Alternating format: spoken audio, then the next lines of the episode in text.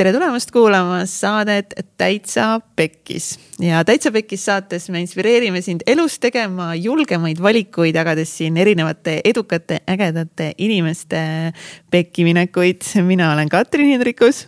ja mina olen Silver Laus. ja ma vahetasin Mihkli Silveri vastu ära ja tegemist on siis meie siin Schumwelli sellise seene triloogia saate kolmanda osaga ja siis äh, täna oleme endale külla kutsunud sellise meesterahva nagu on Leho Tedersoo, kes on siis Eesti mükoloog ja mulla ökoloog ja kusjuures ta kuulub oma valdkonna maailmas siis enim viidatud teadlaste äh, hulka, tegemist on siis ülitarga mehega lihtsalt. ta on Tartu Ülikooli siis äh, tal on Tartu Ülikooli trok-, doktorikraad doktorikraad botaanika ja mükoloogia alal ning ta on Tartu Ülikooli mükoriisa uuringute professor ja ta on ka saanud siis näiteks aastal kaks tuhat neliteist Eesti Vabariigi äh, teaduspreemia ja kaks tuhat viisteist Vabariigi Presidendi kultuurirahastu noorte teadlase preemia. Boom ei ole lihtne tüüp. ei, ei, ei ole lihtne tüüp, aga teadlase kohta oskab nagu väga lihtsas keeles siis anda edasi kõike, mida ta on siis äh, nende mitmekümne aasta jooksul omandanud. ja siis Silver meil siin Schumwelli tegevjuht ja, ja biohäkker. millest me, millest me Lehoga täna rääkisime? Me rääkisimegi, et äh, kuidas siis seened, et noh, lisaks siis sellele kukeseenele ja kärbseseenele, et, et tegelikult on äh, seenemaailm on oluliselt laiem äh,. mis rolli nad kannavad siin seenemaailmas äh,, kuidas nad toimivad äh,, mis on Leho roll täna seal seenemaailmas, kuidas tema äh, seda maailma avastab, laiendab, teeb seda lihtsasti arusaadavaks ka meiesuguste jaoks absoluutselt. Äh, ja, ja, ja millist rolli mängivad siis ka ütleme meditsiiniseened seal, äh, seal keskkonnas ja, ja mida teeb siis täna Schumwell, et, et tuua seda teadmist äh, meile endale, lihtinimestele. ja hästi põnev vestlus oli ja, ja rääkisime ka Leho ju hullu seeneprofessori seiklustest, et mis näitab nagu ära, kui investeeritud see mees lihtsalt on sellesse, et avastada uusi seeneliike ja, ja uurida, et need seiklused olid ikka päris päris ütleme muljet, muljet avaldavad, nii et kui, kui sind see tänane saade kõnetab, jaga seda saadet kindlasti vähemalt ühe oma sõbraga, jaga seda saadet Instagramis. ja kui meditsiiniseente maailm tundub sulle eriti äge ja sa tahaksid ise siis eh, katsetada, ma ei tea, Reishi-t, eh, Lions Mane'i, mida iganes siis shroomwell.com siis eh, kasutades koodi täitsa pekkis kakskümmend saad siis esimeselt otsult kakskümmend protsenti soodustust, nii et täiega soovitan sul minna kaema ja kasutada seda võimalust ära, et siis ka enda selline tervisevõimekus järgmisele tasemele viia. absoluutselt, ma ka soovitan nii et äh, head kuulamist. tere tulemast saatesse, Leho. tšau tšau. tere ka minu poolt ja. ja taaskord siis äh, Silver siin seekord siis asendab, asendab Mihklit äh, siin kaassaatejuhi rollis täna minuga, et äh, siis äh, uurida siin süvitsi seente hingeelu aga kui siin ikkagist täna meil seeneteadlane, üks maailma enim nagu tsiteeritud selles valdkonnas, siis ilmselgelt tuleb kohe alustada eestlaste lemmikteemaga, mis seeni puudutab ja need on kukeseened. Leho, mis, mis kukeseen nagu, mis ta metsas teeb? kukeseen elab metsas oma kindlat elu enamus sellest on tegelikult hoopis mulla sees ja puu juurtel. et see, mida inimesed tunnevad kukeseenena, need on nagu õunad õunapuu otsas. ja seene puhul see õunapuu ise ongi kogu see niidistik seal mullas ja puu juurtel. puu juurtelt need seened saavad äh, suhkruid, mis äh, puud on äh, fotosünteesinud ja vastu annavad nad mullast mineraalaineid suure ala peale see kukeseen siis laiub? no ütleme, kõige suuremad kukeseene isendid võivad olla isegi kuskil saja ruutmeetri peal. me võime näha väga suuri äh, kukeseene ringe ja kui me näeme midagi kasvamas ringidena, siis need on tõenäoliselt äh, alguse saanud mingist kindlast punktist, kuhu on kukkunud üks eos ja siis hakanud edasi ringikujuliselt kasvama. see tähendab tegelikult, et äh, see kukeseene indiviid võib olla isegi mõned sajad aastat vanad. aga tal on tegelikult on rohkem rolli kui lihtsalt see, et noh, et nad vahetavad ühtepidi nagu üksteisele toitu on ju, et noh, et tegelikult selle kogu sellel niidistikul on ju oluliselt suurem äh, nii-öelda eesmärk seal mullas ka.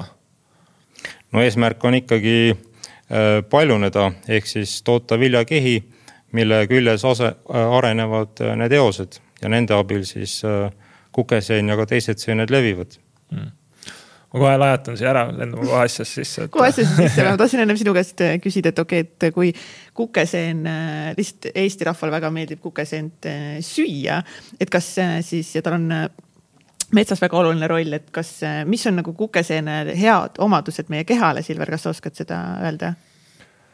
ja ega selles suhtes, et kõik söögiseened on ka, on ka ikkagi nagu selles suhtes keha nii-öelda tervist toetava toimega. et, et, äh, et noh, ta ei ole nüüd nii must ja valge, et noh, et ta täiesti nagu või et ta neutraalne on, et me mingit kasu sellest ei saa, et, et me oleme teda harjunud nagu lihtsalt sihukese nagu kukesena kastmena mm -hmm. ja, ja keedisena või, või, või hoidisena teda nagu tarbima, aga.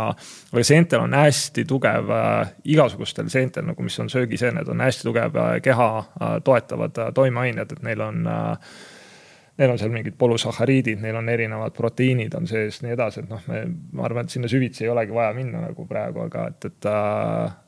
et kindlasti äh, seened on, ma arvan, väga pikka aega kõige alahinnatumad äh, äh, siuksed tervist toetava toimega toit. kui palju Eestis, Eesti metsades üldse erinevaid seeneliike on? Eestist on teada kuskil kümme tuhat erinevat liiki äh, korjamiste põhjal, aga meie enda värske uuring metsamullast, kus me ähm, uurisime seente liigirikkust DNA põhjal, sealt tuleb välja, et on isegi kuni sada tuhat liiki. sada tuhat erinevat seeneliiki? jah, see tähendab, et siis äh, ainult iga kümnes ehk on teada ja tuntud. Vau, aga paljud neist on meile siis söödavad seened? no söödavaid seeni arvatakse olevat kuskil viissada kuni tuhat liiki siis tähendab, et enamus tegelikult pilvikutest ja enamus risikatest, mida tavalised inimesed ei tunne, nad on ikkagi söögiseened, kuigi neid kuskil raamatutes äh, sellistena nagu ei kajastata mm,. väga põnev, aga mis värk siis üldse ikkagist nagu nende seentega meil siin on, et aina rohkem hakatakse rääkima meditsiiniseentest, psühhedeelikumidest, üldse nagu need seened on saanud kuidagi nagu viimasel ajal nii palju kajastust. Netflixis erinevad seriaalid, näiteks see Fantastic Fungi, mida ma kindlasti soovitan kõigil vaadata, kes, kellele see tänane teema huvi pakub, et hästi visuaalne, hästi üles ehitatud äh, siis film Netflixis, et mis roll siis päriselt nagu, mis need, mis need seened üldse on ja mis rolli nad meie ökosüsteemis mängivad? No seened on kõigepealt äh, sellised väga omamoodi elukad. Nad ei ole taimed ja nad ei ole loomad. Ähm, tegelikult seened äh, ja kõik taimed-loomad ka tekkisid ühistest eellastest kuskil kaks miljardit aastat tagasi. siis olid nad kõik sellised üherakulised viburiga äh, organismid. taimedele tuli siis juurde tsüanobakter millest siis tekkisid kloroplastid ja need hakkasid fotosünteesima. seente ja loomade haru omakorda lahknes kuskil poolteist miljardit aastat tagasi ja algsed seened siis samuti olid äh, üherakulised ja viburiga, just nagu spermatosoidid. ja nüüd alles kuskil pool miljardit aastat tagasi hakkasid tekkima sellised tüüpilised niidistikku moodustavad seened. ja kusjuures need seened võimaldasid ka taimedel kolida mageveest maismaale ja seda sellis-, sellel viisil siis tekkisid äh, samblad ja, ja muud sellised algelised äh, taimed. aga seentel äh, elus looduses on mitu väga olulist rolli. esimene neist on kindlasti surnud orgaanilise aine lagundamine ja selle käigus siis vabaneb süsihappegaas, mida taimed ise saavad uuesti kasutada fotosünteesiks. teine väga oluline roll on kindlasti kõiksugustel äh, parasiitidel. et ühest küljest nad küll kahjustavad äh, teisi organisme ja, ja tekitavad ka inimesele teinekord väga palju kahju. aga looduses nad ikkagi reguleerivad seda ökosüsteemi toimimist. enamasti need äh, parasiidid suruvad alla kõige sagedasemaid organisme ja läbi selle siis omakorda promovad äh, elurikkust, mis tuleb siis ka kõigile kasuks. kolmas oluline rühm seeni on siis sellised, kes elavad kooselus taimejuurtega. Neid kutsutakse ka mükorisa moodustajateks ja nemad siis otseselt annavadki taimedele mullas lahustunud toitaineid, saades siis ise vastu kasvuks vajalikke suhkruid. Siin oli juba päris palju selliseid termineid, et äh, vaatame, kes, kes on äh, kooli ajal äh, bioloogiatunnis tähelepanu. kaheksas klass. Kaheksas klass jah, me kõik noogutame, jaa mäletan.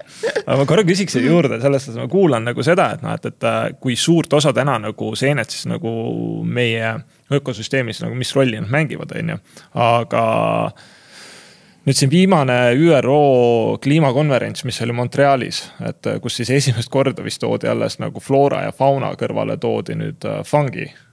et noh, et, et miks see siis nii kaua aega võttis nagu, et noh, kuidas me siis nagu seda nagu nii kaua nagu ei saanud sellest aru või nii kaua ignoreerisime, mis see nagu põhjus seal on? no tegelikult äh, äh fakt, et seened on taimedest äh, väga erinevad, see on pärit kuskil üle viiekümne aasta juba tagasi aga traditsiooniliselt äh, seeni on uurinud pigem äh, taimeteadlased. ja seda seetõttu, et äh, nii seened kui ka taimed on sellised liikumatud eluvormid, vastandudes siis loomadele. ja seetõttu on neid traditsiooniliselt pandud ühte patta. ning noh, ülikoolides paljuski on see traditsioon siiani. et ka meil Tartus on näiteks botaanikaosakond kus siis töötavad nii taimeuurijad kui ka äh, mükoloogid. ja kuna seeneteadlasi on vähem, siis äh, teinekord ongi lihtsalt keerulisem luua nendele mingit omaette üksust. ja nende hääl ei kõla nii tugevasti kui näiteks äh, taimeuurijatel. aga mida tähendab üldse see, et, et ongi, et seen on pigem lähemal loomale, kui ta on taimele? see nüüd seal on mitu aspekti. esiteks, see tuleneb siis äh, evolutsioonist, kus äh, taimed äh, arenesid seente ja loomade ühistest eellastest välja märksa varem. ja teine aspekt on seente ja loomade rakuehitus, mis on siis palju sarnasem omavahel kui võrreldes taimega. taimedel on selline väga paks tselluloosist kest, mida seentel ja loomadel ei ole no nii, ja Silver tahtis küsida. jah, et ähm, ma tuleks korra sinna selles suhtes selle teema juurde tagasi, et noh, et, et seeneniidistik äh, siis mullastikus ja, ja see, kuidas nad näiteks puude ja taimedega nii-öelda sümbioosis elavad, on ju, vahetavad toitu ja nii edasi et noh, teine asi ju tegelikult seda kogu seeneniidistikku kutsutakse ka nii-öelda kogu internetisüsteemiks seal mulla all on ju, noh et, et kus see info tegelikult liigub, on ju. et, äh, et see maailm ju tegelikult on oluliselt suurem kui see, et noh, meil on siin seal puu ja seal ümber on kukeseen on ju ja võib-olla teise puuga ka veel ühendatud, et tegelikult see, see võrgustik seal all on ju oluliselt massiivsem ja see on see ka, mida sina isiklikult tõenäoliselt uurid, on ju. et, et mis seal mulla all siis tegelikult toimub? ja absoluutselt, tegelikult äh, kogu muld, eriti veel selle kõige pindmine äh, huumuse kiht on väga paksult täis seeneniidistikku. Äh, on leitud, et ühes grammis võib olla kuni kümme kilomeetrit seeneniite wow.. Need seeneniidid ühendavad omavahel ära sisuliselt kõik metsa all kasvavad taimed. nii et ongi selline väga tihe suhtlusvõrgustik mille kaudu siis seened jagavad taimede vahel toitaineid. Võivad. jagavad võivad, kuidas nad äh, jagavad seal neid asju, ma tahaks teada no ütleme, nad ammutavad selle mullast ja siis annavad taimedele edasi. saades vastu siis suhkrut, suhkruid läbi nende sarnaste kanalite sealsamades rakkudes siis taimedel on just see, mis leidub mullas, see on nende kasvu pidurdav äh, selle puudus ja, ja seente kasvu siis kindlasti kõige enam pidurdab see, et nendel ei ole piisavalt energiat, mille arvelt kasvada. ja taimed siis fotosünteesiga saavad seda energiat ja neil on seda piisavalt, et seda siis jagada ka seentele ja seente kaudu see liigub veel edasi ka väga paljudele teistele mullas olevatele mikroorganismidele, eelkõige siis bakteritele, kes toodavad vitamiine ja need vitamiinid siis liiguvad jällegi äh, seente kaudu teinekord taimedesse edasi. aga mis nüüd äh, nende mullas asuvate võrgustike puhul on vaata et kõige olulisem, ongi see, et, et äh, need võrgustikud ühendavad väga palju erinevaid taimi, nende kaudu toimub erinevate taimede poolne poolsed äh, signaalide edasikandumine, näiteks taimed, äh, taimede appikarjed, kui äh, toimub mingi putukate rünnak, siis äh, Ootas, need kanduvad seente abil edasi. kuidas üks taim appi karjub, palun, härra professor, seleta no ütleme nii, et kui kartulile tuleb kallale kartulimaadikas ja hakkab teda näksima, siis taim eritab teatud keemilisi ühendeid, mis siis on seotud selle putukarünnakuga. osaliselt need keemilised ühendid on selleks, et seda rünnakut tõrjuda aga äh, nii õhu kui ka juurte ja seeneniidistike kaudu needsamad ke keemilised äh, signaalühendid liiguvad ka ühest taimest teise. nii et ka kõrval olevad taimed siis saavad ennast ette valmistada selleks, et äh, see putukas võib kohe-kohe neid rünnata. okei okay,, kui kiiresti, kui kiiresti see info levik siis toimub seal?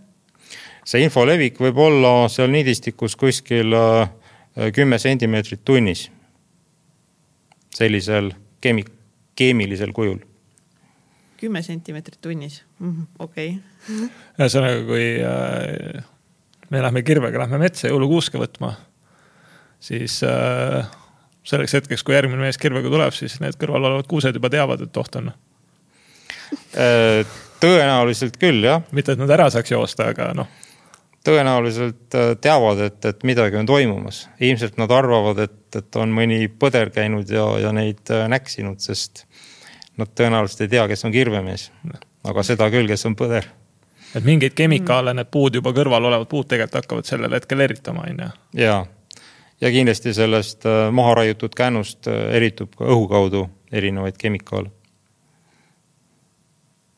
põnev ja kui rääkida seente võrgustikust, siis need, kes on näinud Avatari filmi, sealt saab kindlasti tuua väga huvitava analoogia. ilmselt äh, Avatari film äh, väga paljuski äh, põhineb noh, nendel paralleelidel siis seenemaailmaga ja avataris siis terve planeet sisuliselt on põimitud sellisesse ühtsesse suhtlusvõrgustikku ja, ja terve planeet käitub kui nagu üks elus organism. et noh, mingil määral see on tõsi, kui me vaatleme ka seeni äh, meil mullas kui, äh, ühesõnaga, kui seentel on nii suur roll meie ökosüsteemil, kas siis põhimõtteliselt ongi, et kui nagu seened peaksid nagu ära kaduma, siis kogu elu planeet Maal hävineb? ei, elu kindlasti ei hävine, aga äh, kuna seened on peamised süsihappegaasi tootjad, siis kuskil kümne aasta perspektiivis näiteks võib hakata pidurduma taimedel fotosüntees ehk äh, metsa ja, ja põllumajandustaimede produktiivsus äh, väheneb. lõpeb ka ära vist kõdunemine? Äh, jah, suures osas kõdunemine väga tugevasti aeglustub. osaliselt võtavad selle küll üle bakterid ja, ja mitmed teised üherakulised organismid. aga kuna seente roll selles on ehk kaheksakümmend protsenti, siis jah, üsna suur osa jääb täitmata ja ilmselt äh, kõdu kuhjuks päris kõvasti. aastate jooksul. uut pinnast ei tule, toitaineid ei tule ja nii edasi. no äh, pinnas tuleb koos kõduga ja, ja põhimõtteliselt äh, pinnase hulk isegi suureneb, aga selle Äh, pinnase ja kõdukihi äh, kvaliteet väheneb, kuna äh, need toitained sealt ei ole enam nii hästi kättesaadavad. aga kui seentel on, nii sul vahetavad siin infot omavahel puudega ja, ja teiste taimedega, et kas siis, kas, kas neil on nagu enda aju ja kas need on siis nagu intelligentsus? seened ise? vot see on väga huvitav küsimus ja, ja seda võiks vaadata noh, erinevatest suundadest. et äh, kõigepealt äh, äh, seeneniidid, eriti nende tipud äh, teatud määral toimivad kui sellised äh, äh, närvilõpmed ja nad on kõik siis ühendatud selle ühe sama seeneniidistiku külge ja seeneniidistiku need rakumembraanid elektriliselt võnguvad ja läbi nende võngete siis need signaalid kanduvad üle kogu selle seenekeha edasi. Ehm, aga see on pigem selline mitteteadlik protsess ja, ja seentel sellist äh, keskset organit nagu aju või ka süda, ehm, selliseid ei ole. See on sihuke hea küsimus, aga kust tuleb seene intelligents siis selles suhtes, et äh, noh kas ta on siis täna, võtame sihuke äh, võib-olla natuke kurikuulsust saanud kordiseps äh, on ju, millest räägitakse, et noh, et, et äh, võtab mingisuguse organismi seal üle on ju ja paneb teda tegema seda, mida tema tahab, on ju. kusjuures vist viimane teaduslik ütleb seda, et ta ei võta aju üle, vaid ta võtab lihased üle, on ju. et noh, et, et kust ta siis teab, et noh, et, et kuhu see putukas nüüd peab minema ja mida tegema või, või teine sihuke hea näide vist on, ma ei tea, mis ta eesti keeles on, inglise keeles on slime mold millel pidi olema sihukene meeletu intelligents, et äh, teab täpselt, kuhu läheb ja mida teeb, on ju. noh, et, et aga kust see teadmine tuleb siis, et noh, et, et kui tal seda keskset tsentraalset aju ei ole. no ma ütleks siin, et äh, see on puhas evolutsioon ja ähm, need funktsioonid on kindlasti arenenud selleks, et see seen või siis limak, mis on siis see slime mold et nad suudaksid äh, paremini levida. ja need äh, organismid, kellel sellist äh, võimet ei tekkinud või, või oli see halvemini arenenud, need lihtsalt surid välja, nii et jäid ellu sellised, kellel see võime oli olemas ja kes suutsid seeläbi paremini levida. see kindlasti ei ole nende juures teadlik, aga see on lihtsalt sellist Äh, ilmselt selliste juhuste, jadade kokkusattumus. et, et need äh, äh, käitumismustrid on niimoodi välja kujunenud. ega vist päris täpselt veel ei mõistagi, mis seal täpselt toimub või? Pigem ei mõista, aga ütleme nii, et need organismid on oma geneetilise koodi abil õppinud siis teatud viisil käituma, kui nad saavad äh, mingisugused konkreetsed äh, keskkonnasignaalid mm. -hmm. puhtalt lähtuvad äh, nendest, et me võime neid vaadelda teatud mööndustega nagu selliseid väga algelisi instinkte. et kui näiteks lööd haamriga vastu põlve, et siis põlv nõksatab üles, et, et see ei ole absoluutselt teadlik tegevus. või kui tiiger tuleb, siis paned jooksma on ju jah mm -hmm., täiesti, see auto, automaatselt. või näed ämblikku, hakkad karjuma, eks. Leho, aga räägi üldse, kuidas sinu teekond äh, siis äh, alguse sai jõudmaks täna siia äh, professoriks, kas sulle juba lapsepõlves teadsid, et juba olid näpud mullas uurisid uurisid seeni või kuidas sul teekond siis alguse sai? jah, nagu öeldakse, näpud mullas, käsi kullas kas praegu on käed kullas või no peaaegu jah, ise olen rahul oma eluga. super. Äh, ma ütleks, et see äh, seene huvi sai mul alguse kuskil äh, kuueaastaselt. ja siis oli selline juhus, kus minu vanemad viisid mind ühe vanatädi sünnipäevale. see sünnipäev toimus Peipsi põhjakaldal, kus olid väga ilusad männimetsad ja sellel ajal oli just sihuke hea seenehooaeg kuna noh, vanainimese sünnipäev on igav lapsele, siis ma läksin metsa alla jooksma ja nägin neid väga ilusaid värvilisi seenekübaraid. korjasin neid kaasa ja siis pärast nõudsin emalt, et kuule, et meil on see seeneraamat, ma olen näinud, et lähme võrdleme pilte ja vaatame, et millised on neist siis söögiseened. No olgu peale, vaatame ja noh, siis äh, sellest saigi selline huvi hiljem nõudsin jälle, et, et mind viidaks metsa ja, ja korjama ja, ja noh, mingil määral me neid seeni sõime ka. Äh, pärast muidugi tuli välja, et väga paljud veel visati nii-öelda tagantselga minema, et ei olnud ikka päris kindlad, et, et äh, kas on see või mitte.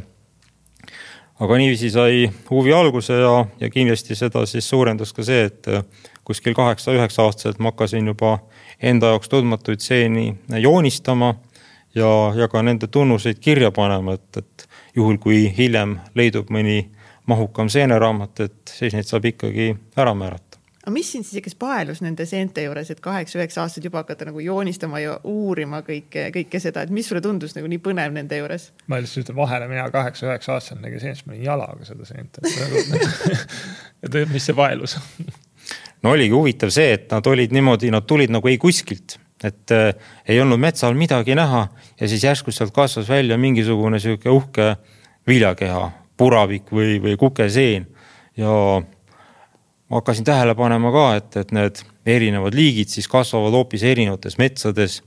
näiteks äh, kukeseeni võib leida pigem mändide all, aga vara, varemal äh, suvel, näiteks juulis on nad hoopis kaskede all. Ja noh, eks see kõik äh, arendas seda huvi nagu järjest edasi ja siis, kas sul oli juba siis nagu kindel plaan, et, et see on see midagi, millega sa tahad üldse elus tegeleda, on nagu uurida seente elu? noh, ega selles vanuses veel keegi ei mõtle selle peale, et mida nad kuskil. no ma ei tea, ma arvan, paljud ei uuri ka veel võib-olla sul oli nagu kohe see plaan. no mina tahtsin saada metsavahiks ja, ja siis politseinikuks ja eks neid mõtteid oli, oli mitmeid. aga noh, lõplik otsus ikkagi, et see seente uurimine on, on minu jaoks. see tuli alles kuskil ülikooli esimesel kursusel, kui meil oli üks suvepraktikum ja ma nägin tõepoolest äh, ja sain oma käega katsuda neid Eesti seeneteadlasi, kes sellega iga päev tegelevad. ja see tõesti tundus mulle niivõrd huvitav, et ma lausa pidin hakkama seda koos nendega ikkagi edasi uurima. oota, kas sa läksid siis ülikooli nagu õppima juba mükoloogiat või, või mingit muud eriala ja siis äh...? no ülikooli astudes sai valida äh, bioloogia ja loodusteadused nagu laiemalt ja noh, seal oli ka väga palju erinevaid kursusi loomade, taimede, kõiksugu molekulaarbioloogia, mikrobioloogia kohta. ja siis pärast seda, kui see seenepraktikum oli toimunud, siis, siis ma tõesti otsustasin, et jah, ma tahan seda teha, hoolimata sellest, et võib-olla see ikkagi ei too vorsti leiva peale, aga, aga on toonud. aga tolles hetkes sa siis tõesti mõtlesid, et, et selline nagu professori või teadlaseks olemine ei ole nagu see ala jah, täpselt, et millega sa nagu leiva lauale tood, et siis ikkagist nagu see ettekujutan ma, et sellega vist noh, et see ei ole nagu päris ala, millega raha teenitakse. No eks seal oli kõiksugu selliseid poolikuid ja valesid arusaamu, sest äh, mõeldes tagasi ähm, väga-väga keeruline oli nagu mõista, et mida tähendab bioloogia või mida tähendab geograafia või mida tähendab majanduse eriala üldse ülikoolis.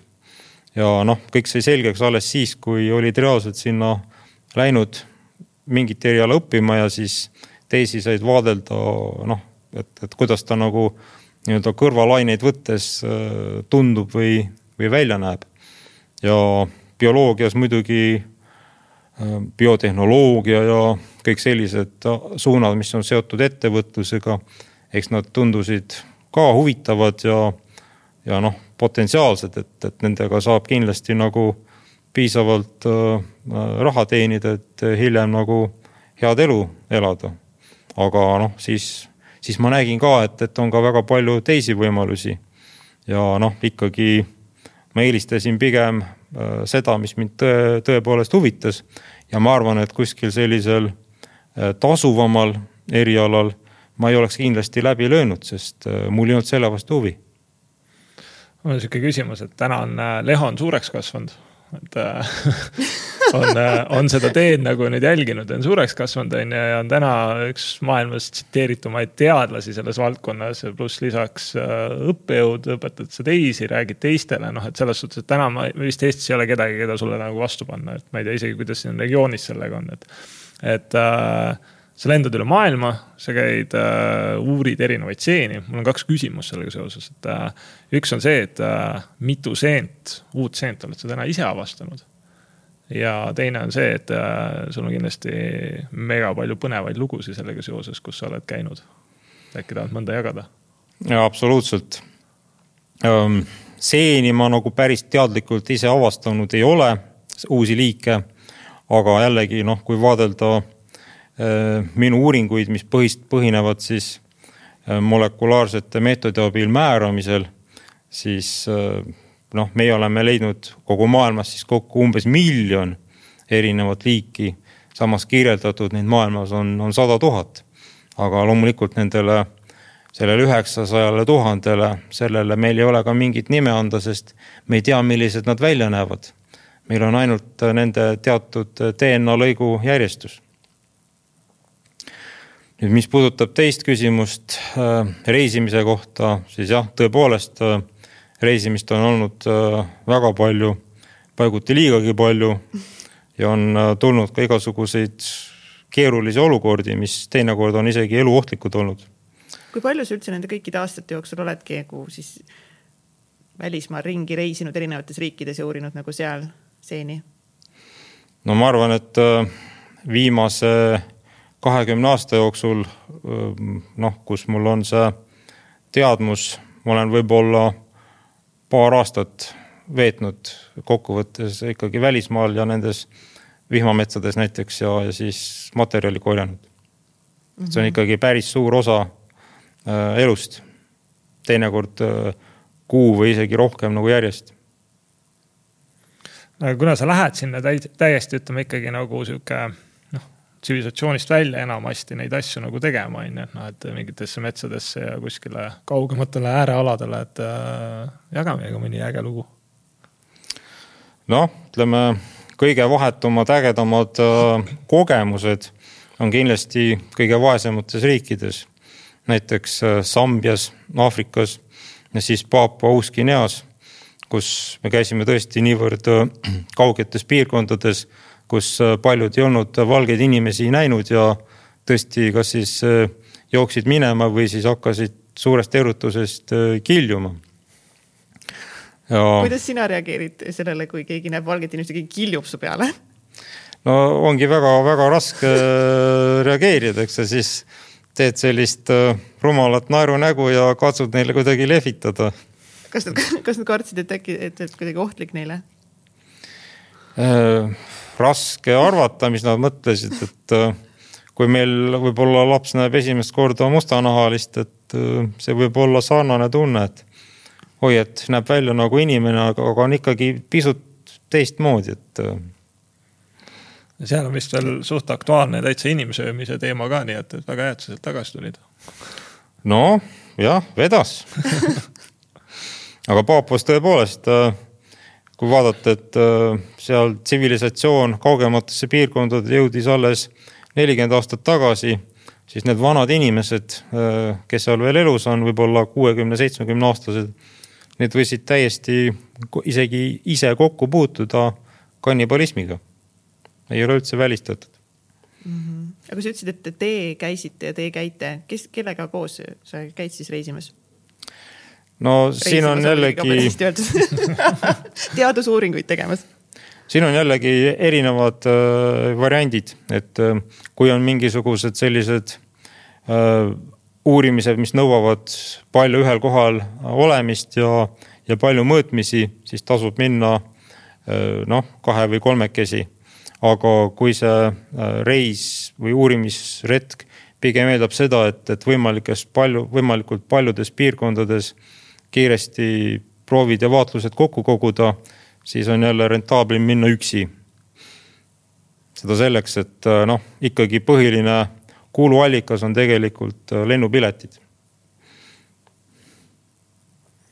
aga nüüd rääkides. millest, millest sa just jah rääkisid, et seal sa ikkagist ei olnud üksinda?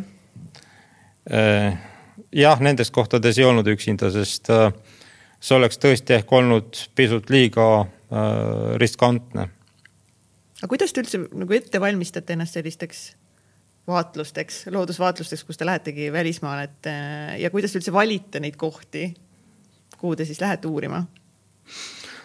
noh, seal on jällegi mitmed võimalused, et äh, enamasti me vaatame need kohad selle järgi, et kus on näiteks mõni tuttav mingist konverentsist või milline on selline potentsiaalselt huvitav, aga absoluutselt uurimata piirkond.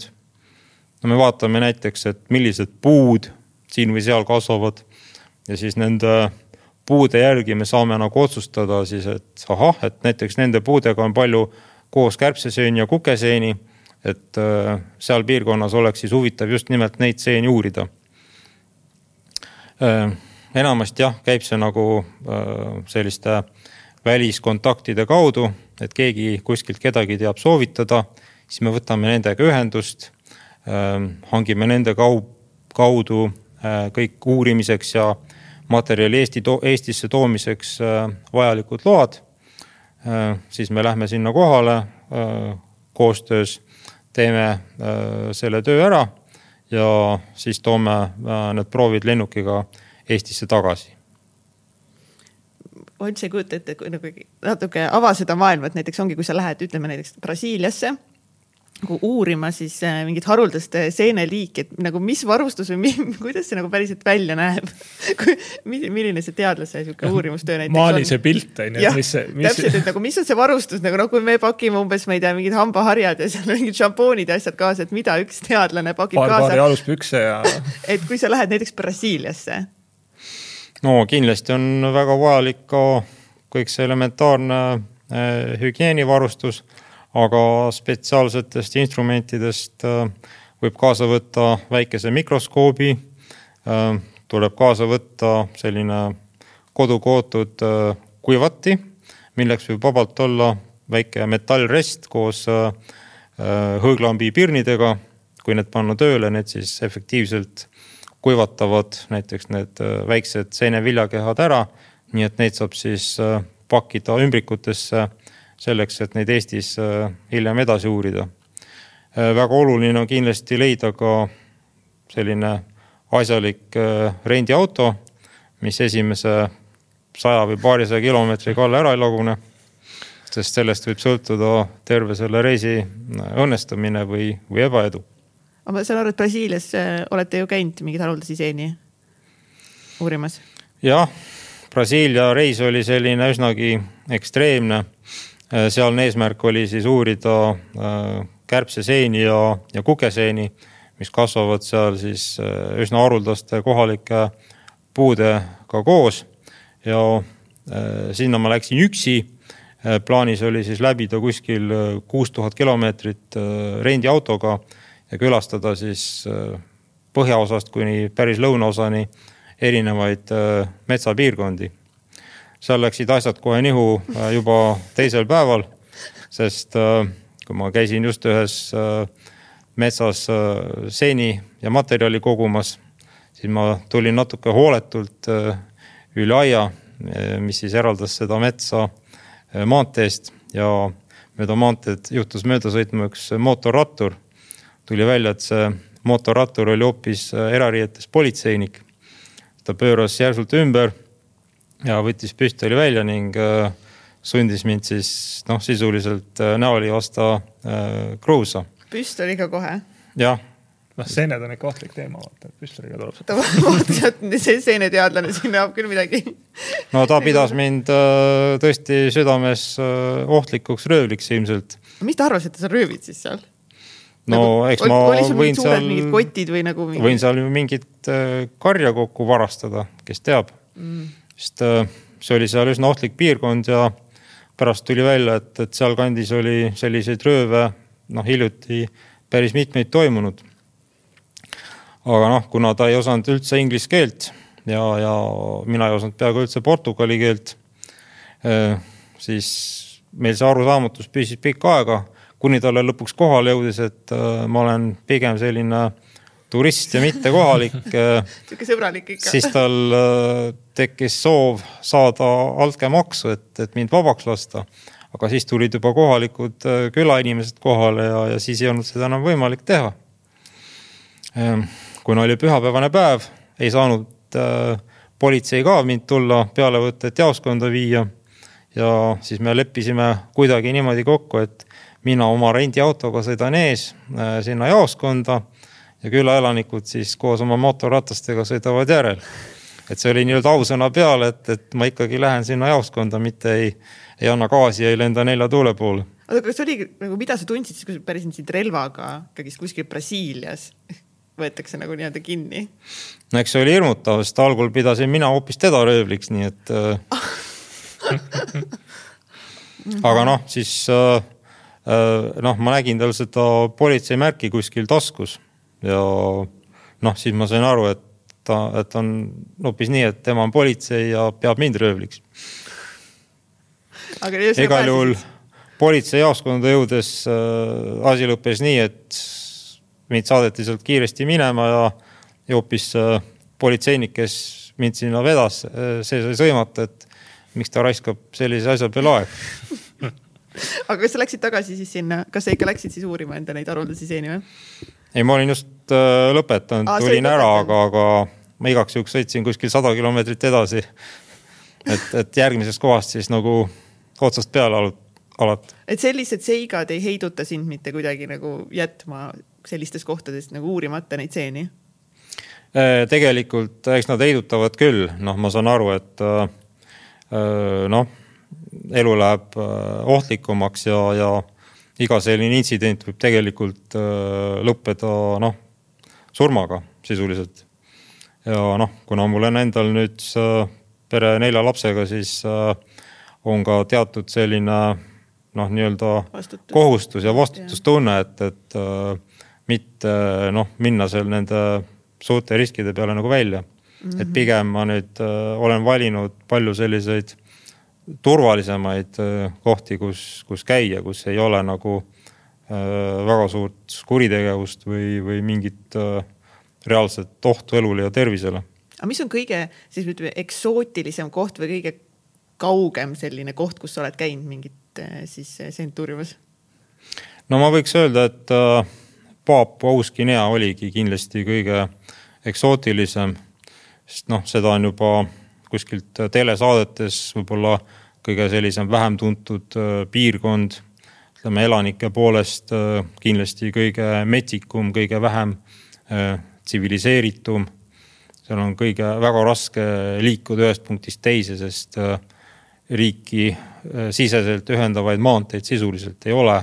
tuleb lennata väikese lennukiga ühest suuremast linnast teise ja siis vaadata, kuidas mingisugust autode kastides kuhugi teise kohta, väiksemasse kohta edasi jõuda mm. -hmm. seal te siis liikusitegi eh, autode kastides ja jõudsite siis sinna küladesse, kus inimesed ehmatasid ära, et polnud valget inimest näinud, jah?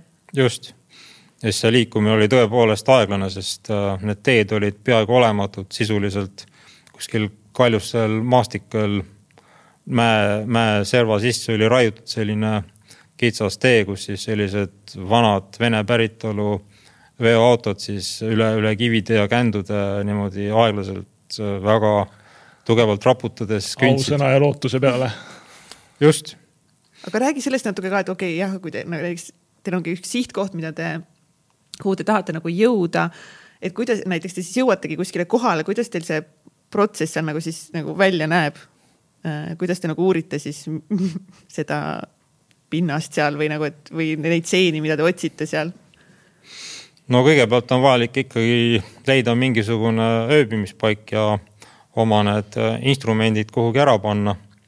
Äh, enamasti on vaja seejärel leida äh, keegi kohalikest, kes aitab meil seal metsas ringi liikuda. esiteks selleks, et siis teisi kohalikke nagu eemal hoida, sest noh, neil võib ka tekkida kiusatus röövida või, või midagi muud teha, kes teab ja nad kindlasti noh, peavad, nad oskavad näitada, näidata teatud kohti, et kuhu sa tahad jõuda, et kui sind huvitavad näiteks mingisugused konkreetsed puud, millega mingid seened näiteks koos kasvavad, siis tuleb ära teha kodutöö ja õppida ära nende puude nimetused kohalikus keeles oh,. Wow. näiteks Paapua keeltest mul on siiani meeles äh, äh, tamm sellel on erinevates keeltes mitu varianti, üks on näiteks neng ja teine on neke. et äh, kui sa seda sõna kasutad, siis põhimõtteliselt ahah, kohalik saab aru, otsid seda. näe, seal, seal see ongi, et siis lähed sinna alla ja sobrad natuke maad ja siis sobrad natuke maad lehtede alt need kukeseened välja tulevad. ma arvan, et sellel lausel on erinev tähendus tema jaoks ja meie jaoks. ma arvan, ma arvan kindlasti nagu Spesinuga võib-olla, nagu sina võib-olla ka natuke juba spetsiifilisemalt sobraksid seal tõenäoliselt äh, kui mina, aga kui kaua siis näiteks noh, kui leiadki selle puu on ju, kaua siis näiteks selle ühe puu all uurid neid seeni no kui see puu on väike, siis äh, ilmselt piisab äh, viiest minutist okay.. aga kui on selline suurem hulk puid koos, siis, siis sealt on mõistlik võtta ikkagi noh, natukene korralikumad proovid, siis sealt me korjame siis mulda. meil on omaette protokoll selleks, korjame neljakümnest erinevast punktist ja, ja selle ala suurus on siis veerand hektarit. seda väga täpset protokolli me jälgime siis igal pool üle maailma selleks, et kõik need proovid oleks omavahel teaduslikult üks-ühele võrreldavad. ja mis siis edasi saab, sellest te korjate need näite, näidised nii-öelda sealt ära äh,, nii-öelda pak-, pakendeerite ta korralikult ära, ta tuleb Eestisse. mis sealt edasi siis tehakse? no Eestis äh, me viime selle kuivatatud äh, äh pinnase äh, laborisse Äh, laboris äh, võõrume ta pulbriks ja siis sellest pulbrist eraldame äh, DNA. Ja DNA põhjal siis me saame siis teatud nende DNA lõikude põhjal määrata siis, milliste seente, bakteri või, või loomaliikidega seal mullas on tegu mm. -hmm. et tingimata ei tule muidugi välja, et, et see on nüüd see liik, aga näeme, et ohoh, et see on nüüd näiteks mingisugune tundmatu kukeseene liik, mida keegi kuskil varem ei ole niimoodi DNA põhjal määranud ähm,. kuidas on nagu äh, seened nüüd kõike seda, mida sa tead, mida sa oled teinud, on ju, kuidas ütleme, see ökosüsteem nagu täna toimib, et kuidas nagu, mis rolli või kuidas sina vaatad täna seeni nagu äh,, mis pilgu läbi sa vaatad? kuidas on täna su nagu, kas sa vaatad neid teistmoodi toidulaual, kas sa nagu kui sa neid maas näed, vaatad sa hoopis teistmoodi neid maas, et. jah, ja kui, eks nagu, kui elevil sa nagu, minu küsimus on see, et kas sa oled ka nagu vahepeal nagu hästi elevil, ongi, kui sa kuskil reisid ja siis nagu noh, sa näed mingit seent või mingit, sa saad mingit proovi võtta, et kas sa nagu päriselt. kus nagu, kõik teised vaatavad, mis sul nüüd juhtus. ja, et sa oled mingi oh my god, kui äge lihtsalt. no ma arvan, et ma suut-, suutsin tegelikult oma pulmareisil Madeirale äh, šokeerida teisi sellel noh nii-öelda turismireisil osalejaid, sest ma lasin bussijuhil kuskil suvalises lükkas terve bussi kinni pidada, lendasin kohe uksest välja, krabasin mingid seened äh, kaenlasse ja, ja siis tulin bussi tagasi. vaatasin, et see, see on küll opakas, et tuleb oma pulmareisile ja, ja siis äh, kukub kuskil jah, niimoodi seeni korjama. Aga kas sa teadsid juba ette, et seal nagu potentsiaalselt mingid seened, millest tahaksid krabada? Või see oli päriselt niimoodi, et nagu sõitsite bussiga ja siis sa, ja siis sa nägid, et sa tahaksid neid seeni krab, krabada nagu lambist? no ma nägin aknast välja, et seal on need seened ja siis äh, ütlesin, et nii, seis! Bussijuht ei saanud aru, millest toimub, igaks juhuks pani pidurit ja siis ma saingi välja võtta ja need seened kaasa endale koguda.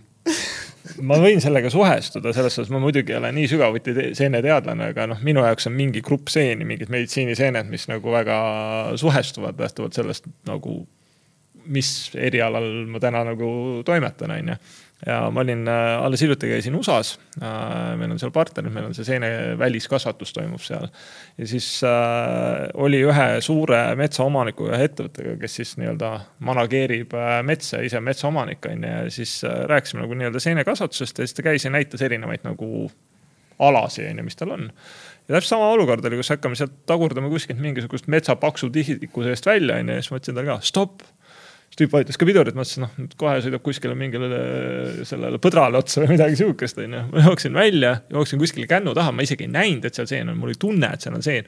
ja murdsin sealt ühe sihukese hiigelsuure reishi seene ära lihtsalt noh, oli tunne, et seal see on, on ju, reisi, mis on sihuke meditsiiniseen mm -hmm. nagu. ja siis tulen sellega tagasi ja noh, minu silmad põlevad, noh vaata, mis ma leidsin, et on nagu. mis, mis sul viga nagu on et noh, ma, ma suudan sellega nagu suhestuda, et, et äh, et see, see on põnev teema. ei, no aga see ongi nii, nii äge, kui keegi on pühendanud oma elu mingile teatud valdkonnale ja see tõesti on midagi, mis paneb su silmad nagu niimoodi särama, et sa lihtsalt kuskil keset Madeirat oled, nagu peatage see buss ja palun nagu ma, ma pean oma seened kätte saama. et eh, kas see, see, see ind nagu sinu sees on, on nagu alati olnud selline või see on isegi ajas nagu kasvanud? Kui sa pidevalt nagu käidki reisimas, sa saad uusi teadmisi, uusi kogemusi, et ikka silmad, kas nad kasvavad, see sära sinu silmades kasvab? no ma arvan, et ma pigem jah, muutun äh, äh ikkagi fanaatilisemaks äh, veel. et äh, vananedes teatavasti kõik kiiksud nagu lähevad hullemaks. kui te, kui palju sa enda lastele räägid näiteks seentest?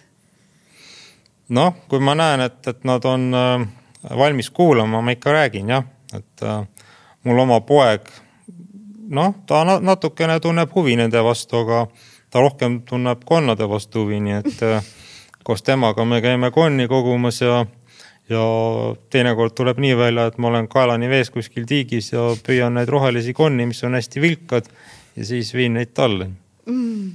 kui nagu suur ootus või lootus eh, või kas üldse on sul, et eh, sinu, sinu lastest saaks ka üks bioloog või keegi tõesti, kes tegeleb nagu loodusega või loodusteadustega?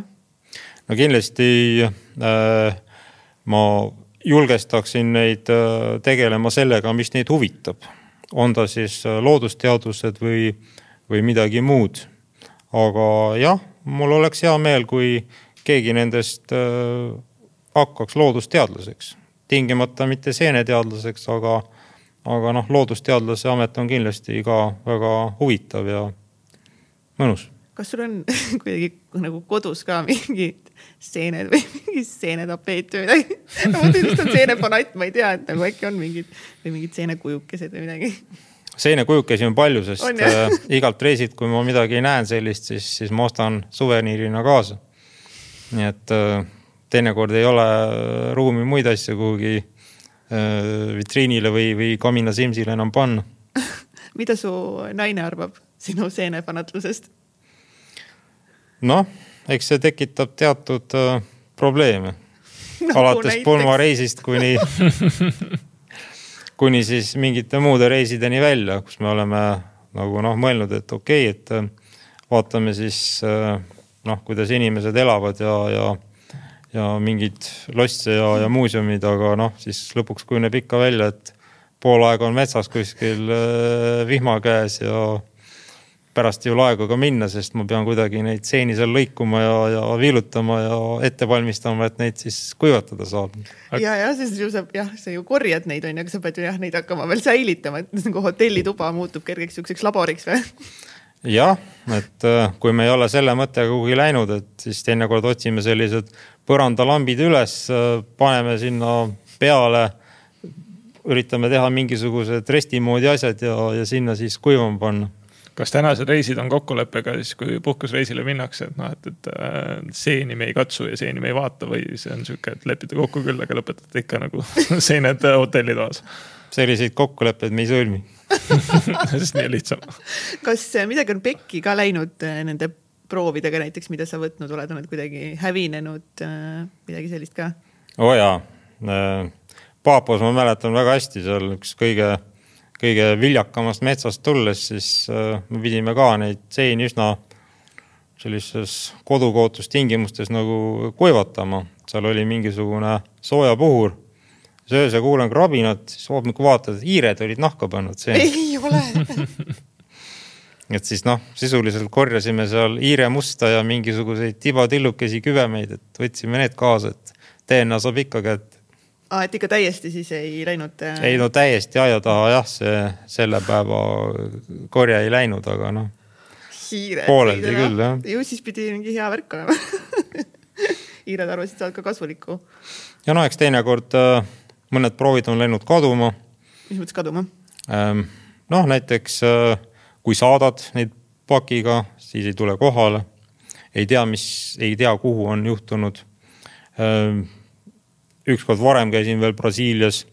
Äh, see oli ka mingi tohutu, tohutu kuum ilm oli, see oli seal keset Amazoniat, mingi kolmkümmend seitse kraadi päevas, siis hullu vaeva ja higi näed, et sealt metsast äh, neid proove võtta ja, ja siis pärast noh, mikroskoobi all neid seal vaadata. usaldasime kohalikke, kes siis lubasid need nagu Eestisse postiga saata. aga noh, siis nad hakkasid kartma seal seda Äh, mingit Brasiilia taimekaitse või looduskaitse osakonda, sest noh, seal väga-väga ähm, keeruline on neid lube saada ja siis lõpuks nad ei saatnudki ja siis nad otsustasid ära visata. Nii et jah, kui ma nüüd äh, kümme aastat hiljem seal uuesti käisin, siis nad ütlesid sorry, aga me viskasime ära Vau, aga kas oh,, kuidas te jah üldse transpordite neid äh, seeni, kas te peate alati need kuidagi nagu saatma Eestisse või sa võid need käsipagasis endale panna? no üldiselt, äh, kui on lihtsalt need seente viljakehad, siis on lihtne. Nende jaoks ei ole erilisi regulatsioone. Neid võib põhimõtteliselt tuua ära käsipagasis. aga noh, teinekord, kui seda materjali on väga palju või, või mingil põhjusel peab nad jätma kuhugi veel kuivama, siis mõne, mõnes mõttes lihtsam on nad saada hiljem siis pakiga oma selle töö juurde admini käest kätte aga kas see nagu probleeme tekitanud ei ole nagu, et noh, kui sa tuled seal käsipagasis mingi hunnik viljakeha seeni on ju, et noh, keegi kus mõtleb, et noh, äkki sa nüüd kaldud vähe nagu sinna kriminaalsema poole peale, et. oot-oot, kes ütles nüüd käsipagasis noh, ütleme, et siis nagu seal all pagasis on ju, et noh, et, et, et noh, ikkagi probleemi tekkinud ei ole sellest lähtuvalt siis ei, äh, seintega ei ole, aga eks nad, eks on vaadatud küll, et äh, millise materjaliga on tegu ja noh, kui on aru saadud, et tegu ei ole taime või, või otseselt mullaga, et äh, siis ei ole nagu küll probleemi olnud. kas sina ise siis uurid edasi ka seda, ongi seda CD DNA-d ja kõike siin Eestis nagu ka? Ja absoluutselt mm, -hmm. see ongi tegelikult see põhiline ja, ja kõige tähtsam töö. et võib-olla mina olen natukene omamoodi teadlane selles mõttes, et äh, ma võtan sellest, kogu sellest tööahelast osa. ühesõnaga kõik see, et, et mis puudutab äh, nende reiside planeerimist, otsimist, kuhu minna, siis seal kohal käimist, äh, materjali kogumist ja, ja siis noh, kõiki neid muid analüüse ka, kuni lõpuks siis selle teadusartikli kokkukirjutamiseni välja. Kui pikk see nagu mingi üks tsükkel võib olla, kui sa näiteks ise käid, käid kuskil reisil, äh, tuled tagasi, katsed ja siis teed teadustööd? no kui on konkreetne väike uuring, siis äh, äh, keskeltläbi see ütleme korjamisest kuni teadusartiklini on kaks aastat umbes. Wow.. Suuremad tööd, noh, mis on, ütleme, hõlmavadki tervet maailma. näiteks viimane võttis nüüd aega kaksteist aastat kaksteist aastat. aga sisuliselt võib seda vaadelda kui kõigi varasemate andmete äh, kokkupanemist. kes see, kes rahastab siukseid asju? teadustöö ähm,, nagu me teame, see ei ole odav, et noh, lendad sinna, kulutad oma aega, lennupiletid, sinu aeg pluss lisaks pärast laboritöö, seal on inimesed seotud mm, -hmm. et kes, kes see nagu tellib neid töid või kuidas neid rahastatakse täna? no põhimõtteliselt äh, enamasti Eesti teadust rahust, äh, Eesti teadust rahastab Eesti Teadusagentuur. Ähm, nüüd sellised uuringud, mis äh, vajavad äh, reisimist, äh, molekulaarset analüüsi, nende jaoks on hädavajalik ka leida väljaspoolt Eestist allikaid. ja selleks on meil mitmed projektid siis koos kas siis taanlaste või, või norralastega või ka laiemalt Euroopas kust siis igast poolt natukene tilgub seda raha nagu juurde. et oleks võimalik neid suuri uuringuid läbi viia. Täna teeb, kes otsuse teeb, et mida me nüüd uurima lähme, et, et kas see on pigem sihukene, et äh, teie oma teaduskeskkonnas ütlete, et äh, noh, mingid siuksed huvitavad liikumised on, lähme, ma ei tea, Papua New Guineasse, lähme kaevame seal üles, uurime nüüd seda asja ja leiame siia rahastuse või see tuleb ka pigem teistpidi kuskilt tellimusena. et kuidas see nagu toimub? no see on ikka pigem nii, et see äh, idee tuleb teadlaste endi poolt ja nad peavad suutma selle siis nii-öelda hindajatele, projekti hindajatele maha müüma.